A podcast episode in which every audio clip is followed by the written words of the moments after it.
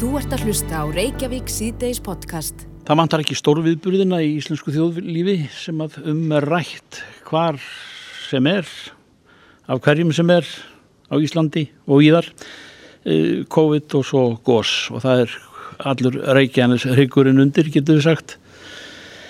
Eh, vaknaður til lífs sem að eh, margir vilja nú kannski ekki,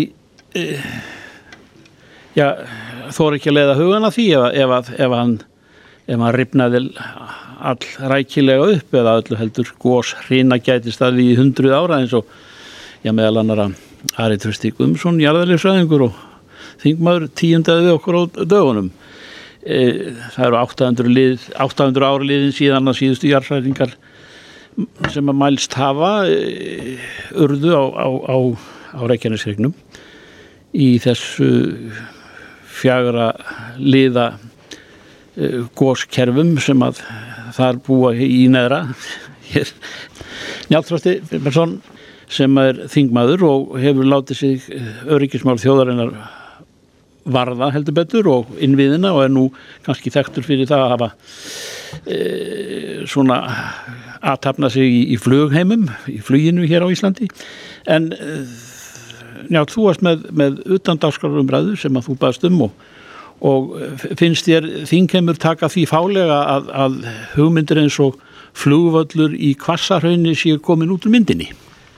Já, ég held að það sé svona ákveðin viðhórsbreyting og mér finnst þú verið að þróast með þeim hætti að, að kvassarhaunns hugmyndin sé úti í, í svona stóru myndinni og, og þetta er náttúrulega núna, þessi járskjálta núna og, og, og umræða um möguleg gós, þetta er svona þekkt, þetta verið rætt í nokkur ár tengslum við hugmyndir kvassa, um flugvelli í Kvassarhönni en, en, en ég get ekki séð að sé nokkuð viti að halda þessum leiðangur áfram að, að skoða í, í, þetta áfram í einhverju mynd að, að, að koma upp já, flugvelli í Kvassarhönni innanhansflugi fyrir 50-100 miljardar kannski og allþjóð flugvelli stóra hugmyndið 350-400 miljardar ég held að þetta sé engin að það er engin að hugsa þetta mikið, mikið, mikið hérna lengra.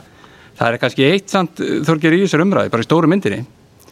Og það skal öllum vera ljóst og kannski kom ekki mikið fram í umræðin en það stöttu tími í gær í þinginu þau rættum um þessa sérstöku, tókum þessa sérstöku umræði sem er það að það, það þurfa nöðsynlega að vera tveir flugvillar á sögustur hodnilandsins og það er grunnpunktur sem þarf að hugsa öll þessi mál út frá bara öryggismála flugsins sem er bara hluti að þessum varaflugalla umræðu og, og þá mikilvægi uh, inn í þjóðarörgis umræðuna.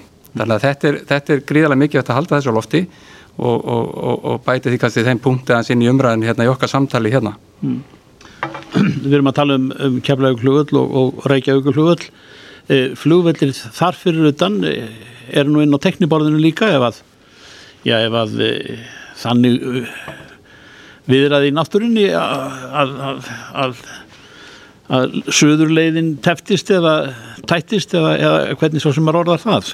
Hvað eru margir, marg, marg, margir flugvellir svona af einhverjum uh, standard sem er á tekniborðum, svo nýjumræðinni? Já, hér á Íslandi, þetta meina bara þá stækkanir og annað sem, mm. sem er umræðinu. Römmurlega er í dag fjórir alþjóðaflugvellir á Íslandi, það er Keflavík, þá stæðst í flugvöldurinn uh, síðan eru Reykjavík-flugvöldur Akuraflugvöldur og Eistaflugvöldur og þeir eru þetta allþjóða flugvöldakerfi landsins sem við erum alltaf að tala um og, og gegna allir mjög mik mikilvæg hlutverki í þessu heldarkerfi sem var að vara flugvöldi fyrir hvern annan og eiga langt norður í í að Ballarhafi, eða Norður Allarsafinu mm. hún tarf mjög, það sem er mjög langt í næstu velli og, og, mm. og þar með varaflugvöldi að hún tarnast allt flug á Íslandi þarnast þessar fjóra flugvölla og, og, og við þurfum að gæta þess og þess vegna verðum við að halda fókus í þessari stóru mynd mm. og, og mikilvægt og hefur verið lagðið áherslu af það af Æslandi er og öllum sem þekkir til flugsins að það séu tveir flugvöldi, þetta grunnatriði uh, á suðaustur hodninu.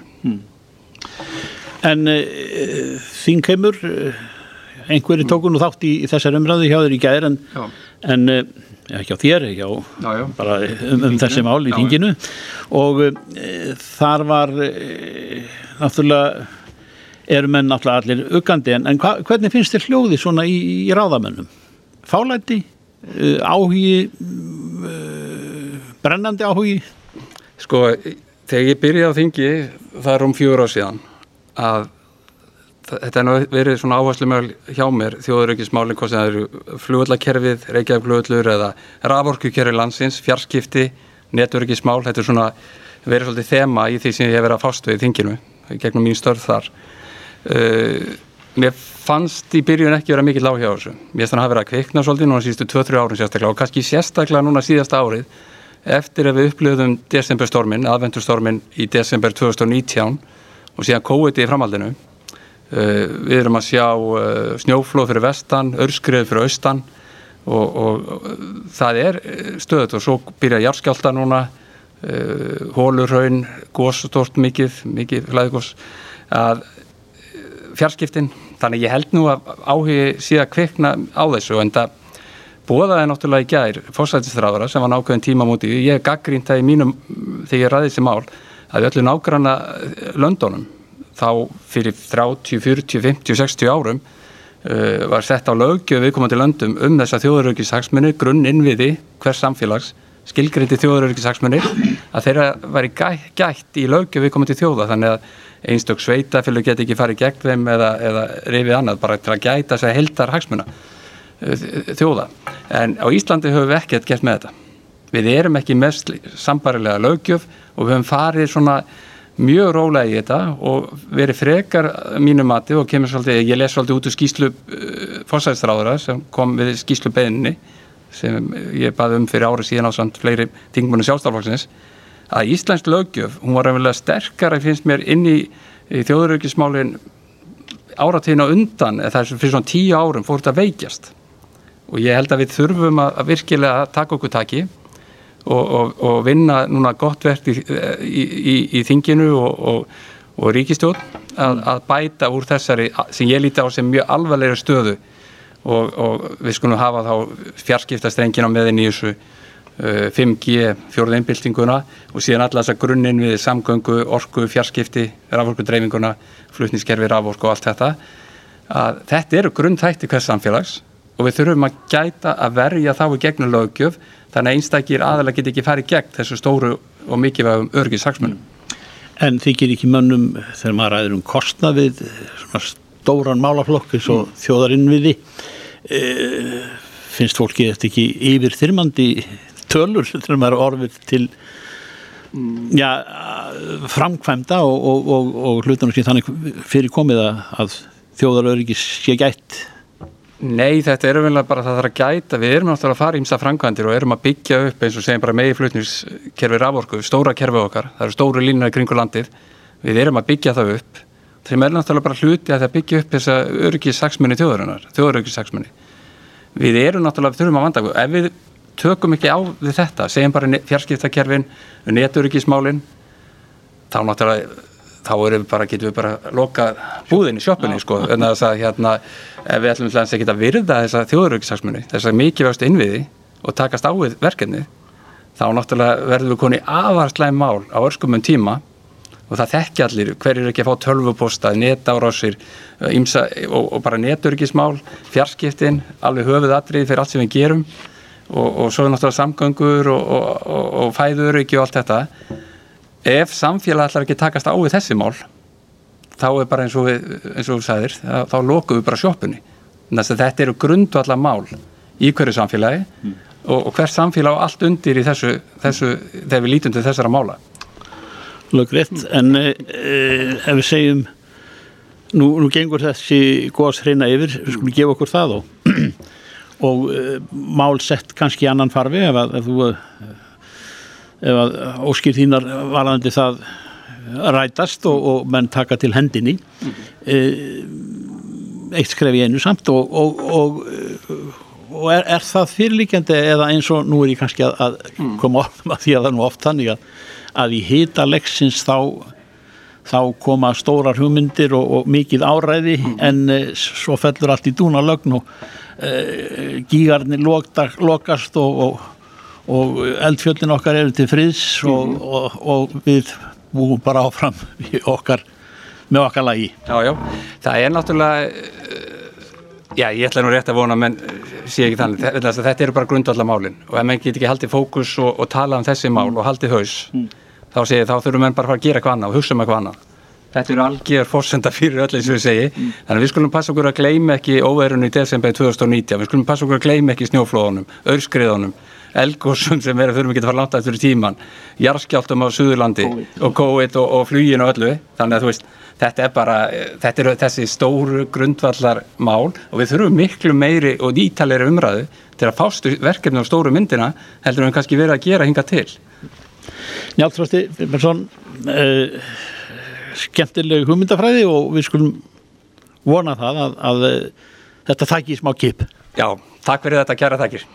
Þú ert að hlusta á Reykjavík C-Days podcast. Það er mikill órói í jörðinni og hefur verið núna undarfarið og uh, gæludýrin, það er nú margir sem eiga gæludýr í það mista samkvæmt okkar konunum. Já, ég las nú einhvers þar frétt í dag um að, um að það væri bara nokkuð algengt að uh, dýr, gæludýr, væri að fá kvíðalif þessa dagana Já. út af þessum jarðhræringum. Og þau oft skinja sko meira heldur en við höldum Mm og hérna nú oft er að tala um hestana til dæmis að, uh, og að dýrin jafnvel finni á sér að eitthvað sé í vændum. Akkurat. en uh, við erum komin í samband við Hönnu Arnósdóttur, hún er dýralæknir hjá dýrækspítalanum í Garðabæk, kom til sæl Sælveri, Já, þú tekum vantilega undir þetta að það er stundum eins og dýrin hafi sjötta skilningavitið já þau skinja allavega hlutina yfirleitt svona næmar en við, Já. umhverju sitt. einmitt. En uh, á það við um öll dýr Ég held að ég við um öll dýr á þess að við getum spurt þau nákvæmt út af því það. En þau þurfa náttúrulega á því að halda að finna til óta þegar að hættu stöðir að til að geta komið sér undan. Já. Þannig að þetta er svona eðlilegt viðbrað því sjálfur sér. Hefur þú heyrt í mörgum dýraegundum að undanförnu sem að hafa haft ágjör af, af gældyrum sínum út af þessum uh, jarðhræringum? Uh, já, við höfum fengið töluverða fyrirspurnir. Fólk hefur ringt og fengið ráð hjá dýralagnum og hjúgrunafræðingum hérna. mm og hvernig kemur það út þar að segja þessi ótti hjá dýrunum? Það er ekkert ósipað á hérna gamláskvöldu. Það er uh, sömu viðbröð, þau sína náttúrulega bæði líkamlega og handlega viðbröð, mm fara að skjálfa og reyna að fela því þessum, þessum jærfræðingum með meirum að hundarni jafnvel uh, fara að hurðunum og vilja bara komast út. Já. Sem er alltaf skeinsamlegt þá er ekki neitt sem sínur á þá. mm En hvernig eiga gæludýr eigendur að bregðast við? Hver eru réttu viðbröðin? Réttu viðbröðin er bara að halda rósinni. Uh, kettir fela sig og við þurfum svo sem ekki miklas áhugur að hafa þeim en hundarnir leita oft til okkar og ef við erum stressuð eða, eða við sinnum þeim ekki á þessari stundu þá kannski eigur það bara hreinlega á óttan og þeir fara að, að leita í veri leiðir til að reyna að kópa við aðstöðunar. Já. En þetta er kannski þekkt og við, að því að hundarnir eru svo nálægt okkur en svo erum við söm hver með hesta. Já, e, þarf að huga að, að þeim sérstaklega á þessum svæðum það sem að gjöra skjálfur það þarf að huga þeim að þau eru misjöp líka hrossin. En oftast ef þau eru úti í gerði þá finna þau minna fyrir sig. Það er aðalega þegar ríktir í húsunum og svo leis en, en eh, þessir skjálta sem við erum að finna hafa kannski ekki þau áhrif á skeppnuna þau eru öflust búin að finna alla þessar litlu skjálta mm sem eru hérna reglulega á þessu svæði og eru þá orðið nokkuð vörði Já, finna dýrin, eru þau næmari fyrir skjáltunum heldur en við? Og það er núna, núna verið oft verið talað um það að sömur sko, einstaklingar finna vel fyrir skjáltum og aðrir ekki. Er það eins með dýrin?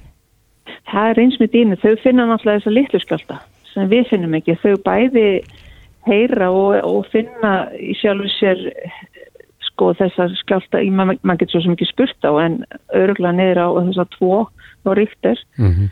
sem, a, sem að eru og svo náttúrulega ríktir og það eru lítil hljóð og sem að koma með lári tíðni sem að hérna, þau nema en við ekki. Já, Og þau heyra í innstungunum okkar og svoleiðist þannig að þau heyra líka margt sem annars hristist. mm En þurfum við að hugsa öðruvísi um uh, ketti heldur en hunda til dæmis Já, kettir eru bara dýr sem bjarga sér alltaf. Þau eru mjög, kettir eru mjög sjálfstæðir. Það, þeirra eðli er að fara bara að fela sig, fara upp í skápa eða, eða, eða fela sig þar sem þeir finna sig óhulta mm og svo halda þeir bara kyrru fyrir. Það gera vísu líka margir hundar og ef þeir leita í felur og, og virðast líða betur þar þá er ju ekkert að vera reyna að koma þeim úr þeim. Nei. Er algengt eins og ég saði hér áðan og ég las það eitthvað starf að, að, að dýr væri að fá kvíðalif eða aðalega hundar. Er það algengt að hundum séu gefin liv í þessum aðstöðum? Ég myndi ekki segja að það væri algengt, nei.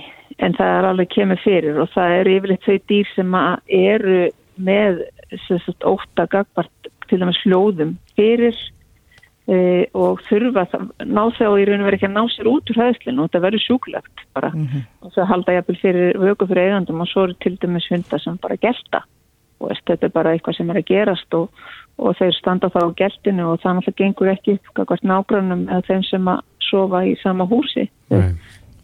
þannig að þá notu við lifin stundum til að, að hjálpa þeim mm -hmm. út úr þessu ástandi En hann að þú ert eh, hjá dýrækspítalunum í Garðabæk, hver eru helstu verkefnin ykkar núna? Helstu verkefni okkar núna er í raun og veru bara þessi dagleg uh, tilfelli sem koma inn, allt frá slísum og, og, og bara svona sjúk, sjúkdóma sem er hjá okkur og mannkynnið.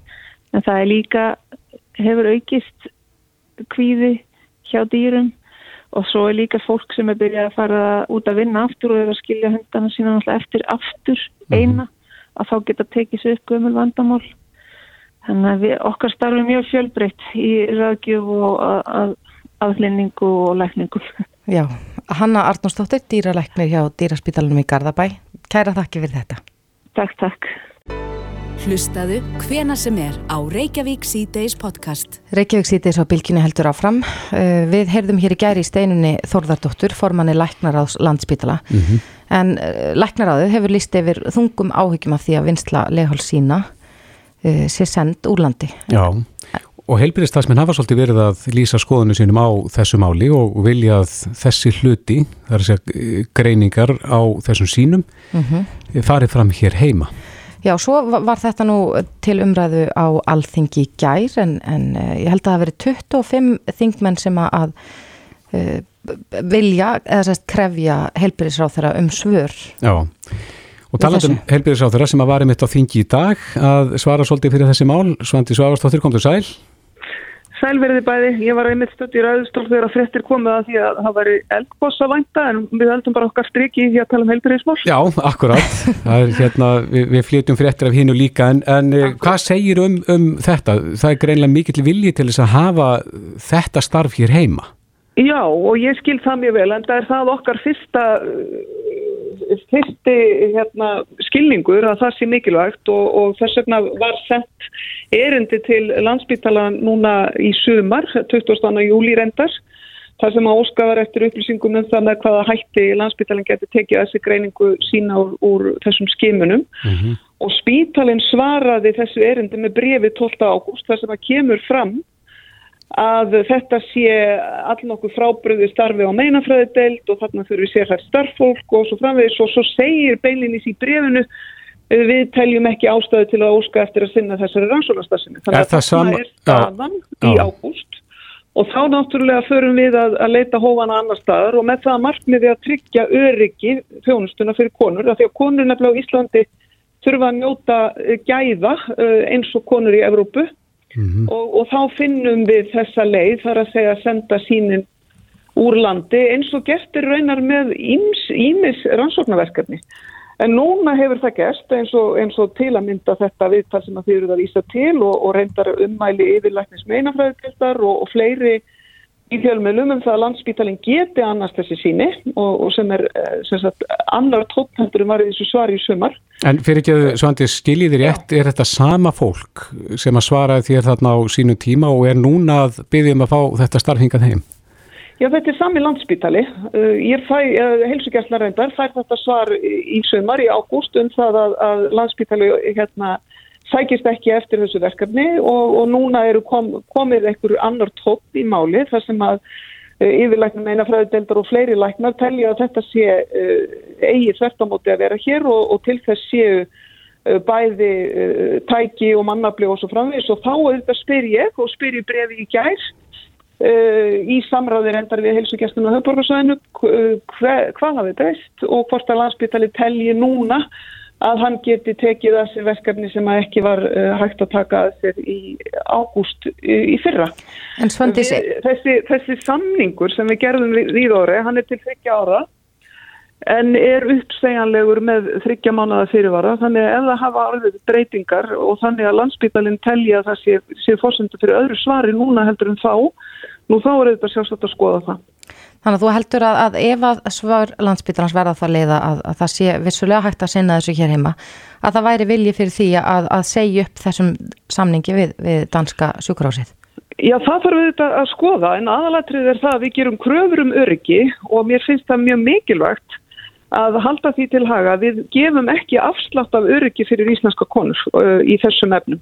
Þess vegna gerum við þennan samning þegar að landsbítali uh, telur sig ekki geta synd verkefninu en við erum í heldina á því að það sé fari betur á því að hafa verkefni þessu tægi hér ef að við uppfyllum uh, þau skilirði sem við setjum fyrir, fyrir íslenska konur. Mm, er munur á kostnaði? Já, það er eitt af því sem við erum að spurjum. Við erum að spurja eh, landsbyggtala líka um það að hvað kosti að, að vinna þessar greiningar. Hefur það, verið, hefur það ekki verið tekið út? Það er að segja, liggur það ekki fyrir hvort það er dýrar að rannsaka þetta hér heima eða úti? Uh, Landsbyggtalinn svaraði því ekki í þessu erindi í ágúst sem leið, taldi ekki ástæðu til þess að leggja í kostnæðagreiningu vegna þess að að uh, spítalinn vildi ekki eða sættist ekki eftir því að, að hérna, taka verkefni að sér. Er ekki gerð krafa um það, Svandis, í tilvíkur sem þessum að, að svona stort verkefni fari í útbúð? Það var ekki mat þeirra sem að best tekja til að, að það fyrst að gera í þessu tilviki heldur, heldur og enda eru það mjög fjölbreytt og mörgur ansvonarverkefni sem eru unnin í samstarfi og samráði við erlenda aðila, bæði á vegum spítalans og, og annara heilbyrðistofnana Þannig að það er ekki óvenjulegt en, en uh, mér finnst skipta mestumáli að halda því til haga því að, að því, því hefur verið haldið fram að, að með þessum ákverðunum væri verið að ógna öryggi kvenna að það er ekki neitt sem að, að heilbriði sigurvöld geta setið undir uh, í, í, við neitt tilvík og allra síst þetta tilvík. En ef að af þessu verður og, og þessum samleiki við Danina verður hérna rift, mun þá auki fjármagn fylgja þessu starfi inn á spítalan? það er algjörlega ótímabært að segja neitt um það. Eh, núna er þessi samningur í gildi og hann gerir ráð fyrir því að eh, svör úr, úr eh, skimun berist inn að þryggja vikna frá því að þau eru, þau eru tekin.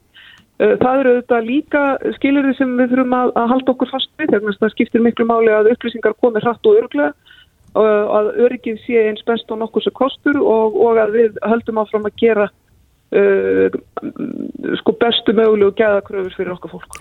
Hvað kostar þessi samningu við Danina? Ég er ekki með það fyrir fram að mig uh, en það, það var farið yfir það sérstaklega en, en það er ekki neitt sem ég hefur hraðbergi akkurat núna en það er eitt af því það skoðunar þegar verður að spyrja landsbytala núna Já. hvort eitthvað hefði breyst. En svona getur námyndað kannski þessa tölu? Ég vil ekki gera það, ekki í þessu símtali, ég bara hefði þetta ekki fyrir fram mig. Nei, en ef við strykum aðeins undir, að þá var það fyrst og fremst, voru það svörin frá landsbítalunum sem eru til þess að það var leita til Danmörkur?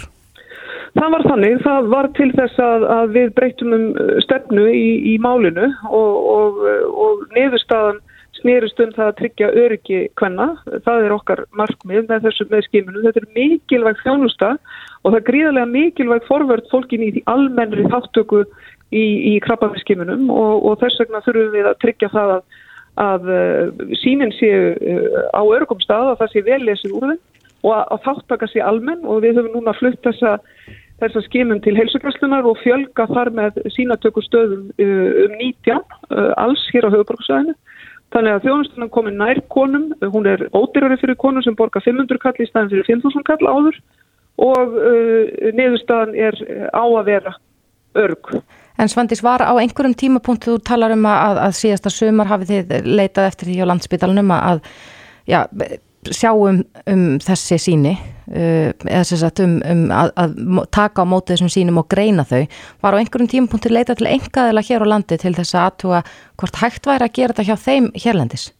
Já, þetta er náttúrulega reynsla sem að, og sko umfang sem að er að fann skala það, að við vitum svona nokk hvað er hægt að gera og hvað er ekki hægt að gera. Þannig að, þannig að hilskjæftan fór þessa leið að kanna samstarfið þennan aðila sem að er að vinna fyrir uh, sæ, sænska uh, aðila líka og, og raunar líka uh, færaenga og grænlendinga og svo framvegist þannig að við þurfum að, að halda okkur við það að við séum með uh, öryggið að leiðaljósi. Já, Svandís Svágarstóttir, helbriðis á þeirra. Kæra þakki fyrir þetta. Takk sem leiðis. Reykjavík síðdeis á bylginni. Við ætlum aðeins að uh, bregða okkur á Reykjanesbrautina, þar er Jóhann K. Jóhansson, fréttamaður okkar, kom til sæl. Heil og sæl. Já, hvað ertu núna? Heyrðu, nú er ég stöndur á Reykjanesbraut við afleggjaran af Keili sem að lauruglan og veðagerðin hafa lokað. Þess sem er að gerast á, á uh, þessu svæði, mm -hmm. fjarskjálta sem mögulegt elgóms getur komið upp. Þetta er svona líklegast í staðurinn en hér, hér með mér í, í stórum hóku fjölmjölamanna sem er að fylgjast með og býða og sjálf það verður. Já, er einhver umferð þarna, er fólk að reyna að komast þessa leið? Nei, það er nú bara eðlileg umferð. Þegar ég horfi hérna på Reykjanesfautina það er bara eðlileg umferð í báðar áttir. Og það sem að kannski skiptir máli í aðstæðsum þessu er að uh, þó að þessi tíðindi sé að berast að, að mögulegt góðskættu við yfirvöldi er að halda rósin það er kannski svona aðeins máli og fengið með upplýsingum frá yfirvöldum í gegnum fjölmjöla hva, hvað, hvað verður sko? En, en við sjáum einnig að þessu stundur er slæmt skiknu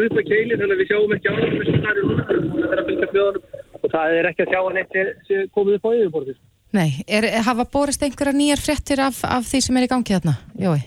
Uh, ég er ekki með allra nýjustu frettir uh, hvernig staðan er á, á með jarfskálta og svoleiðis en lauruglustjórin á Suðunisinu sendi skilabóð hér á sæðu þess að þú er að vanna uh, alla umferð aðgandi og gangandi í, í kringum Faradalsfjall og við keili. Já, þannig að það er, en við heyrðum á þann í, í viðir einu sinni á upplýsingafundurum þar sem hann er að hvetja fólk til þess að að vera ekki að leggja leið sína þangað. Hafið þið árið vörð við eitthvað slíkt?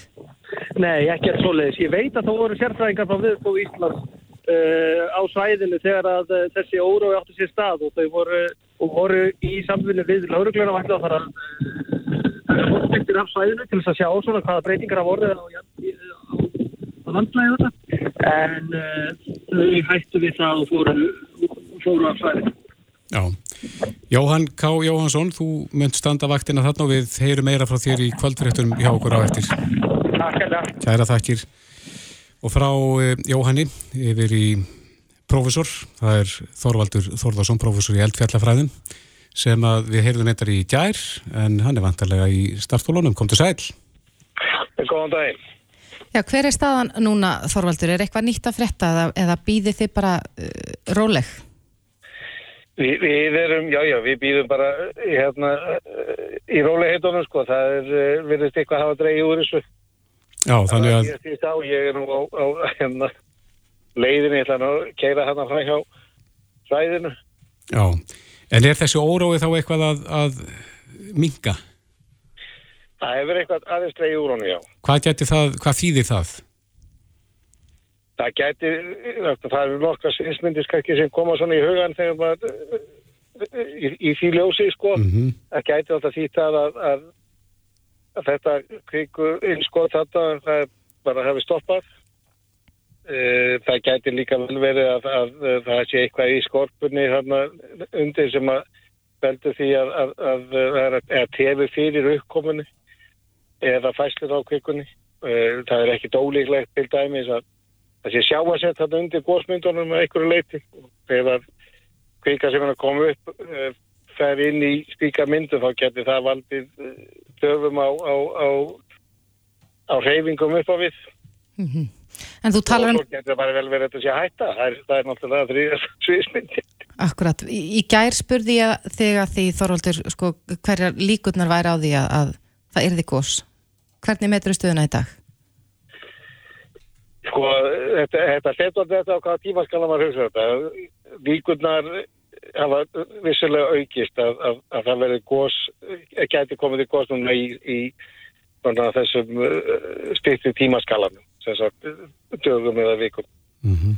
Jafnveg klökkustum. En, en eh, sko, það er alveg víst að það verður gós einhvern tíman á kagan. Já það er, það, við, við sko komumst ekki tjá því og það saga sem hún á eftir endur taka sem bara spurning hvernar. En er staðan það viðkvæm núna þið, þið eru ekki að senda vísindafólk þarna á staðin? Ekki, ekki við, ekki sem stendur sko, þegar við náttúrulega okkar hópur hann hérna hans fyrsta viðbæð er þegar að góðs er hafið.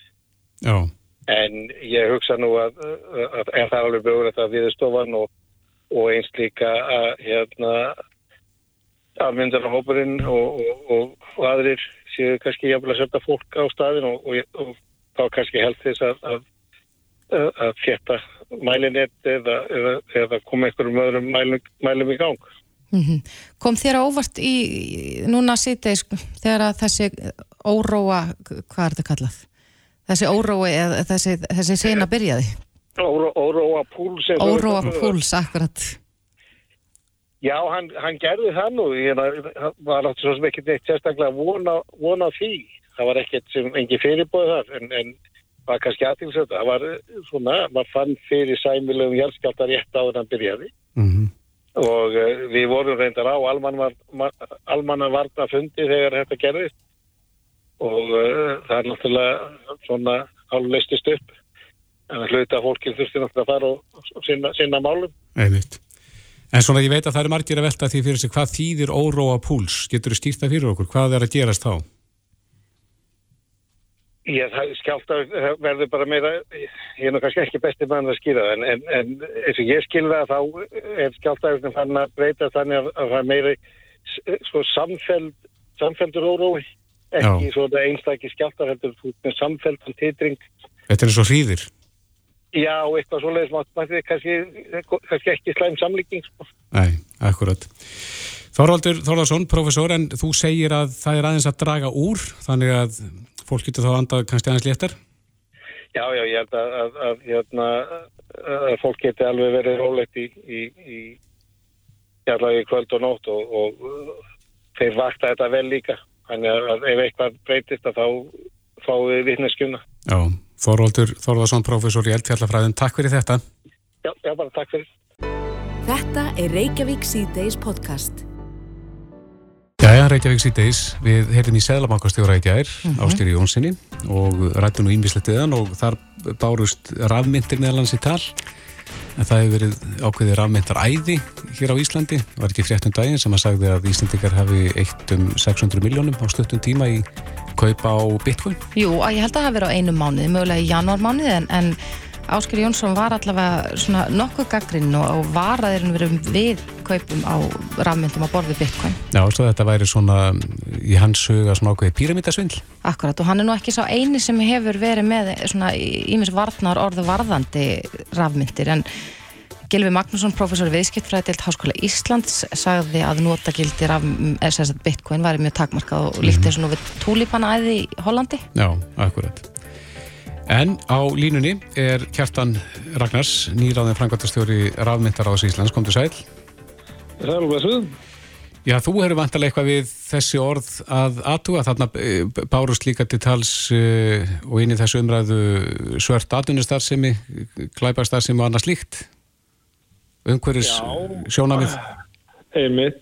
Það má kannski brjóta þetta niður í sko fjöguratriði Eh, það er þá í fyrsta lagi að, að Bitcoin sé enn líkt við túlipanæðið og í öðru lagi að þá er sko verið að gaggrina Bitcoin fyrir notagildi, að hafa ekki notagildi af því að Þetta hugsunin sé svo að, að hérna, hlutverk Bitcoin sé að vera sem greiðslumiðil mm -hmm. eh, og svo í þriðja lagi þessi gaggrinni að þetta sé enn verið að nota þetta eh, í ólumæta starfsemi, glæpa starfsemi, peningafætti og svo framvegis.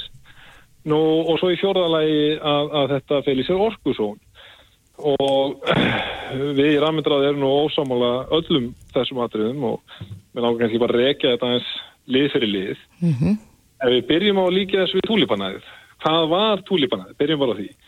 E, þetta var fjárfæstingabóla með túlipanna í Hollandi á 17. öld og þetta var því fjóra mánuði frá november 1636 til februar 1687 og það sem enginn er náttúrulega bólur og oft tala um að túlípana er svona fyrsta fjárfæstingabólan sem við vitum af mm -hmm.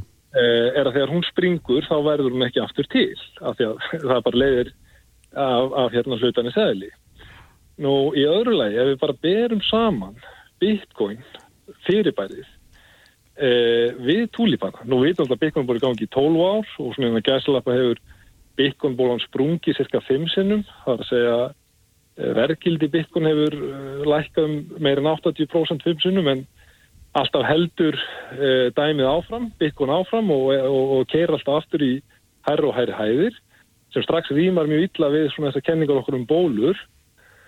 En eh, kannski aðalatriðið er að ef maður speiklar bitcoin uh, við þau fimm grundvallaratriði sem peningasagamænkisins kennir okkur að peningur þarf að búa yfir til að standa stímast hönn. Þessi atriði eru uh, í fyrsta lagi þar hann kallast það einsku scarcity eða sjálfgefni, í öðru lagi storability eða hversu auðvöld er að geima það, uh, í þriðja lagi divisibility eða hversu auðvöld er að skipta í smæreiningar og setja aftur saman, í fjóra lagi portability eða færanleiki, hversu auðvöld er að láta það skipta um hendur og í fyrsta lagi er skarlega verið verifiability eða þekkjanleiki, hversu auðvöld er að ganga úr skuggum að, að, að þetta sé ekki, sé ekki uh, sko útfengt eða falsa. Mhm. Ykkur skora tíu í öllum þessum þáttum. Túlipannar, haugljóslega þessum fyrstu að sjálfgefni, e, e, hversu öll er að geima og hversu öll er að hérna, skipta í nefnir og setja skora nánast núl í þessu. Og það sem peningastæði kennur okkur er að alltaf ef sjálfgefni atrið, þess að scarcity elementið, um leið og það fellur, þá fellur peningurinn. Og þess vegna er gull og silfur eini peningurinn sem hefur staðist tímast hönn alla þessar peningasögur. Þannig að samlíkingi við túlipanæðið, hún bara því miður gengur ekki upp. Nei, þannig að þú vilt líka svo freka við silfur og gull, en hvað með umhverfist þáttin? Það kom nú aðeins til tals hérna í, í gær að það, þessi gröftur eftir bitcoin, uh, að hann eyði gríðalegu ramagnum sem að sem að veldur umhverfis uh, áhrifum. Einmitt, einmitt. Og það er, sko, það er algjörlega óumdegalegt að uh, uh, námunsla rafmyndarnar bitcoin krefst heilmikið ráorku. Reyndar á Íslandi búið þann muna, þetta er mjög hrein orka hérna og reyndar mjög víð í heiminum er þetta svo afgangsorka sem er að nota til að uh, mæna bitcoin. Mhm, En Kerstin, er það rétt að um 90% af þeirri orku sem er sem að Íslands gagnaver nota er uh, notið í það að uh, já, grafa eftir bitcoin? Það er mjög nálægt þeirri tölu. Það er hérna þetta er um 5% raforkunar á Íslandi sem fer í þetta. En við þurfum að hafa það í huga líka að, að því við viljum nú sem þjóð, við höfum átt okkur að því að raforkan er auðlind og við viljum koma þessar auðlind í verð. Þeir sem eru að mæna bitcoin eða, eða hérna, grafa eftir bitcoin, þeir greiða samkvæmt tölum landsvískinar frá 2018 um 70% meira fyrir ráðorkuna heldur til og með stóriðan hérna álveð síðan. Og þetta er kannski sjónamið sem ég eftir alltaf sjaldan fá að heyrast í umræðinni en, en, en sko aðalatrið kannski þetta. Það er ekki að neyta því að það er varið heilmikið ráðorku í að grafa eftir bitcoin en það sem mér uh, þykir bara ekki gangu eða bara gengur ekki þú getur ekki kallað eitthvað orku sóun þegar tilgangurinn er sá að verja kerfi sem geymir meiri 900 miljardar dólara. Þannig að þetta er ekki orku svona þegar Bitcoin hefur verðgildi alveg sama hvað okkur finnst um það, hversu raugrætt eða óraugrætt eh, okkur finnst það, þá geymir það þessi verðmætti. Þannig að þess vegna veist mér umræðan um sko, orku sóun eh, hún missir algjörlega margs eh, en hittir hana mál. Getur við svo tekið díalógin um það eh, er kannski til leðir til að, ég veit það ekki, hérna minka rávorkuna sem fer í þetta hvað er?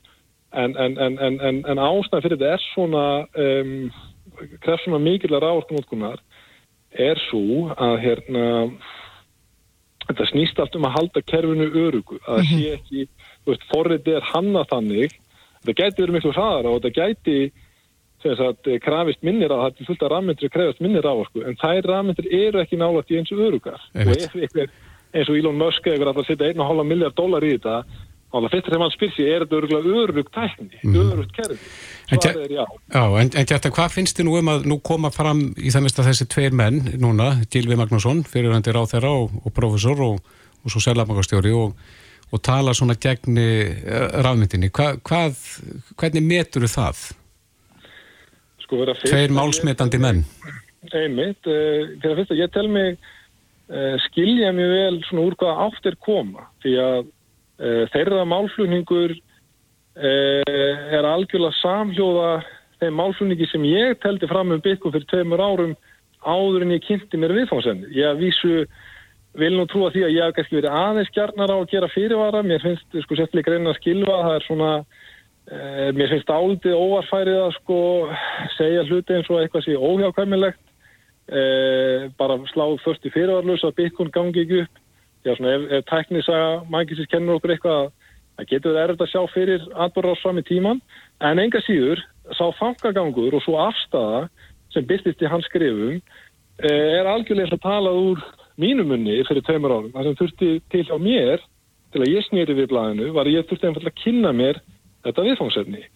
Um, en, en líka annað, því eins og segir, klárlega, þetta eru málsmetandi menn og, og, og hérna velmettar og vel lesnir menn og ég segi líka þetta, veist, það er mjög eðlilegt og ekki bara eðlilegt, mér stæðilega bara þessum mönnum er rétt og skilt að um, gæta íhjálpsemi gagvart tekniníungum eins og Bitcoin sem er að því að hafa mögulega byltingakend áhrif á peningakerfið eins og við þekkjum í dag þeir tilhera þessu kerfi sem er og ef Bitcoin er uh, gott argument, ef þetta er hérna uh, eins góður peningur og maður trúir því að þetta sé og þeir sem trúa á þetta trúa þetta sé þá mun Bitcoin standa af sér uh, þessa íhaldsömu hérna mótstöðu Já. en kannski svona vonbreiðin eða vonbreið ekki vonbreið, ég vil svo mikið enda að segja það en svona það er um, það er einhver blöð með það að fletta að uh, svona sumt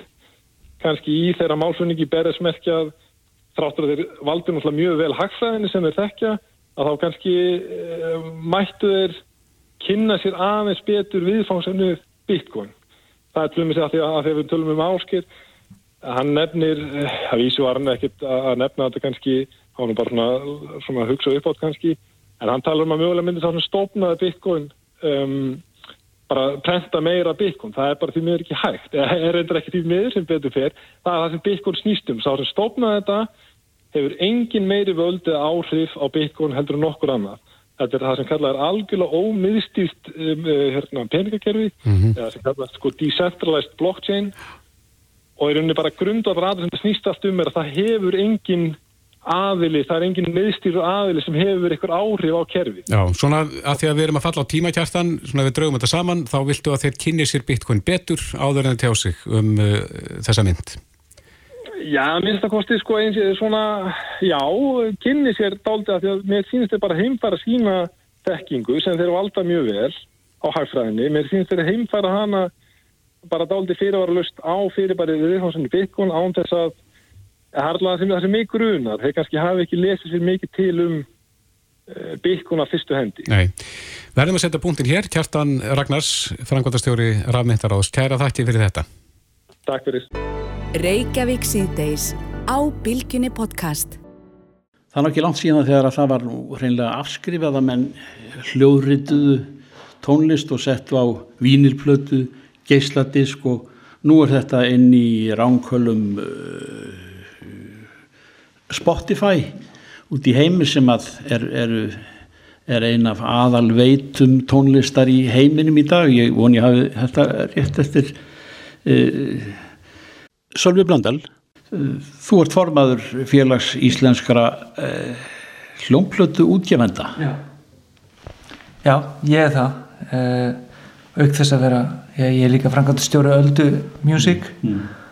og hérna og við höfum svona verið já, við erum alltaf byggjum á gömlum grunni vissulega uh, erum umsýslu aðalar og eigundur að, að, að já, miklu meiri hluta útgáfréttinda Mm. uh, íslenskar dagatónlistar sem var komið út í Íslandi. Uh, það þau útgáfréttindi uh, það, það, það spannar hérna fimm, fimm áratíi örgulega og, og hérna þannig að við erum við setjum á miklu, miklu verðmæta kistu og, og, og men, menninga verðmæti og við sjáum það aftur á móti að, vitum það og allir vita sem er, veist, hafa fylgst með sem bransa hann er farið gennum ná róstur sama tíma síðustu tvo áratvíðina það má kannski segja einhverju leiti að margir og, og mjög margir málsmetandi aðalar töldu að dagar útgástar sem var hérna taldir og, og það voru nú margir sem, sem sögðu það við mig og okkur þegar við ákvaðum að fjárfesta í og, og, og, og fara í frekar útgástar sem hérna 2015-16 þá þá var auðvitað margir sem heldur við verum skrýtnir. En, en, en síðustu ári hefur svo rækilega sannast að, útgáðstar sem hennar dagar eru ekki taldir. Og hérna og það má kannski bara mér segja að, að henni hefur vaksið fiskun hrygg síðustu ár.